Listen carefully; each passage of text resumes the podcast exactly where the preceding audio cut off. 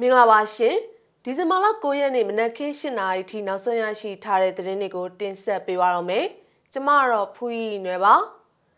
ဒဇယ်မြို့နယ်ကပောင်းကြရွာမှာစစ်တပ်ကနှစ်လနီးပါးကြာတက်ဆွဲပြီးတရွာလုံးနီးပါးကိုမီးရှို့ဖျက်ဆီးခဲ့ပါတယ်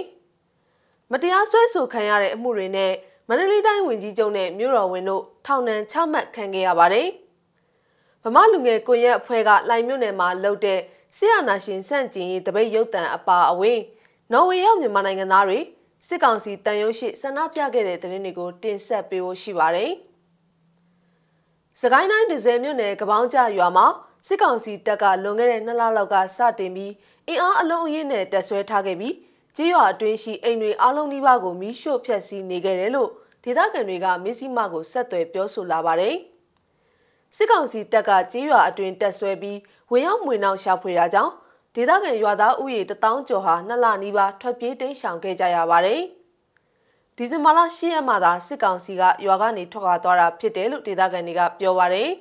။ကျွန်တော်တို့ဒီနေ့ရွာထဲဝင်ကြည့်တော့တအိမ်မနေလို့မရအောင်လှုပ်ထားတာ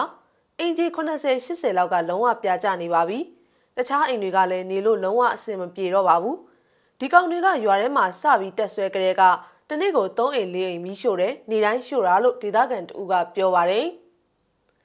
အဲ့ဒီလိုမီးရှို့ဖျက်ဆီးမှုတွေကြောင့်ရွာအတွင်းအိမ်ကြီးအများစုဟာနေလို့မရအောင်ပျက်စီးနေတယ်လို့သိရပါတယ်။ဒီနေ့ပြန်ရောက်တော့ခန်းစားချက်ကရွာကိုကြည့်ပြီးပြောစရာစကားတော့မရှိတော့ပါဘူး။ထိုင်ဆဲနေုံပဲတက်နိုင်တော့တယ်။သူတို့တက်ဆွဲထားတာရက်ကကြာနေပါပြီ။တရက်တရက်ကိုမိခိုးတွေကအလုံးလိုက်တက်တက်လာရင်ဘယ်အိမ်ကိုမီးရှို့ပြန်ပြီလဲမသိဘူးပေါ့ဆိုပြီးအဝေးကနေလှမ်းလှမ်းကြည့်ပြီးဒေါသထွက်ရပါတယ်။ဒီနေ့တော့အိမ်ဘလောက်လောင်သွားပြီပေါ့ဆိုပြီးစိတ်မကောင်းလဲဖြစ်ရတယ်။ ဒီနေ့တောင်ရွာကိုကျွန်တော်တို့လူငယ်၁၀ယောက်ပဲစုပြီးသွားကြည့်တာပြန်နေဖို့ကစိတ်မချရသေးပါဘူးဒီကောင်တွေပြန်လာနိုင်ပါတယ်ပြီးတော့ဘုံတွေဘာတွေလည်းထောင်ချင်းထောင်သွားမှာအဲ့ဒါကြောင့်ခဏပဲအခြေအနေသွားကြည့်တာပါလို့သူကပြောပါတယ်အခုလိုမီးရှို့ဖျက်ဆီးမှုတွေကြောင့်ပျက်စီးဆုံးရှုံးမှုပမာဏအတိအကျကိုတော့ဆက်လက်စုံစမ်းနေစေဖြစ်ပါတယ်ဒီဇင်ဘာလ10ရက်နေ့ပိုင်းမှာအဲ့ဒီရွာမှာတက်ဆွဲထားတဲ့စစ်ကောင်စီတပ်တွေပြန်လည်ထွက်ခွာခြင်း စီတုံးလုံးချောင်းမေတော်ကြီးနန်းနန်းတောင်ဘက်အရောက်မှာမိုင်းဆွဲတိုက်ခိုက်ခဲ့ရမှာစစ်ကောင်စီတပ်သား6ဦးသေဆုံးတယ်လို့ဒဇယ် People Comrade TPC အဖွဲ့ကထုတ်ပြန်ထားပါတယ်။မန္တလေးတိုင်းဝန်ကြီးချုပ်ဒေါက်တာဇော်မြင့်မောင်ကိုစစ်ကောင်စီတရားရုံးကဒီဇင်ဘာလ10ရက်နေ့မှာထောင်ဒဏ်၄နှစ်ချမှတ်လိုက်ပြီးမြို့တော်ဝင်ဒေါက်တာရဲလွင်ကိုလည်းအမြင့်ဆုံးပြစ်ဒဏ်ချမှတ်လိုက်တယ်လို့တရားလွှတ်တော်ရှင်းနေတူကပြောပါတယ်။ ဆွဲထားတဲ့အမှုတွေနဲ့ဒီနေ့အပိသက်အမိန့်ချတာက905ခါခွေအတွက်2နှစ်ချတယ်။နောက်ပြီးတော့တဘာဝဘေးပုံမှန်အတွက်က2ခုပေါင်း2နှစ်တကယ်ကပုံမှန်25အတွက်က2နှစ်30ကာကြီးအတွက်က1နှစ်ဒါကိုတပေါင်းနဲ့ကြခံစီဆိုတော့2နှစ်ပဲဖြစ်သွားတာပါ။အလုံးပေါင်း4နှစ်ဖြစ်ပါတယ်လို့အဲ့ဒီရှင်းတွေကပြောပါတယ်။ဝင်းကြီးချုပ်ဒေါက်တာဇော်မြင့်မောင်ကိုစစ်ကောင်စီအမိန့်နဲ့တပ်ဆိုင်ရာမြို့နယ်အုပ်ချုပ်ရေးအဖွဲ့အစဉ်စဉ်က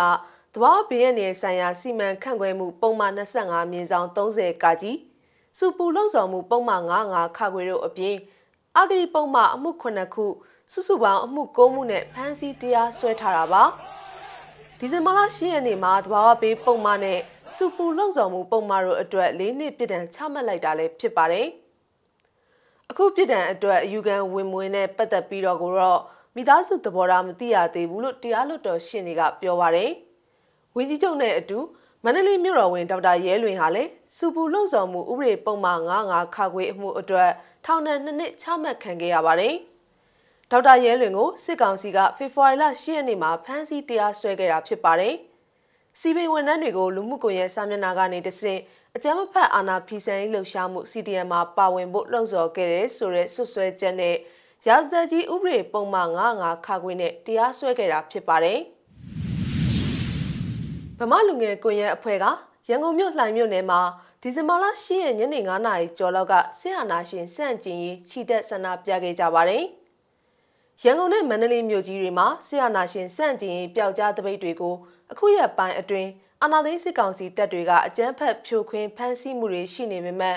ပျောက်ကြားတပိတ်တွေကတော့ပျောက်ကွယ်သွားခြင်းမရှိဘဲအခုလိုထွက်ပေါ်နေစေဖြစ်တာကိုတွေ့ရပါတယ်။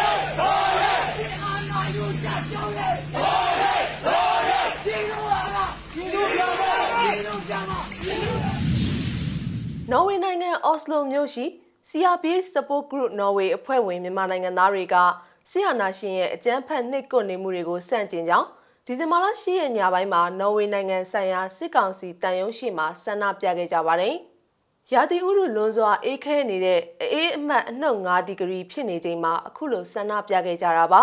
။သူတို့တွေကရာဇဝတ်ကောင်တွေလူမဆန်တဲ့လုပ်ရက်ကိုလုပ်တဲ့လူတွေကိုစန့်ကျင်ရှုံချပါတယ်။ မြန်မာပြည်ရဲ့ဘယ်နေရာမှာမဆိုထိခိုက်ဖြစ်ပျက်သမျှဟာကျွန်တော်တို့နဲ့ဆိုင်တယ်တသားတည်းရှိနေတယ်ဆိုတာကိုဖော်ပြဖို့ဖြစ်တယ်လို့ဆန္ဒပြပွဲမှာပါဝင်သူတူကပြောပါတယ်။ CRPH Support Group Norway ဟာချင်းမီနယ်ထန်ဒလန်မြို့ဒေသခံစစ်ဘေးရှောင်တွေအတွက်ဈေးအောင်ပွဲတော်ပြုလုပ်ခဲ့ပြီးနော်ဝေငွေကြေးခရိုနာ9000ကျော်ကိုဒီဇင်ဘာလ4ရက်နေ့တုန်းကလှူဒန်းထားခဲ့ပါတယ်။မဇ္ဈိမ TV ရဲ့နောက်ဆုံးရသတင်းတွေကိုတင်ဆက်ပေးခဲ့တာပါ။ စောင့်မျှော်ကြည့်ရှုခဲ့ကြတဲ့ပရိသတ်တွေအားလုံးကိုကျေးဇူးအထူးပဲတင်ရှိပါရရှင်။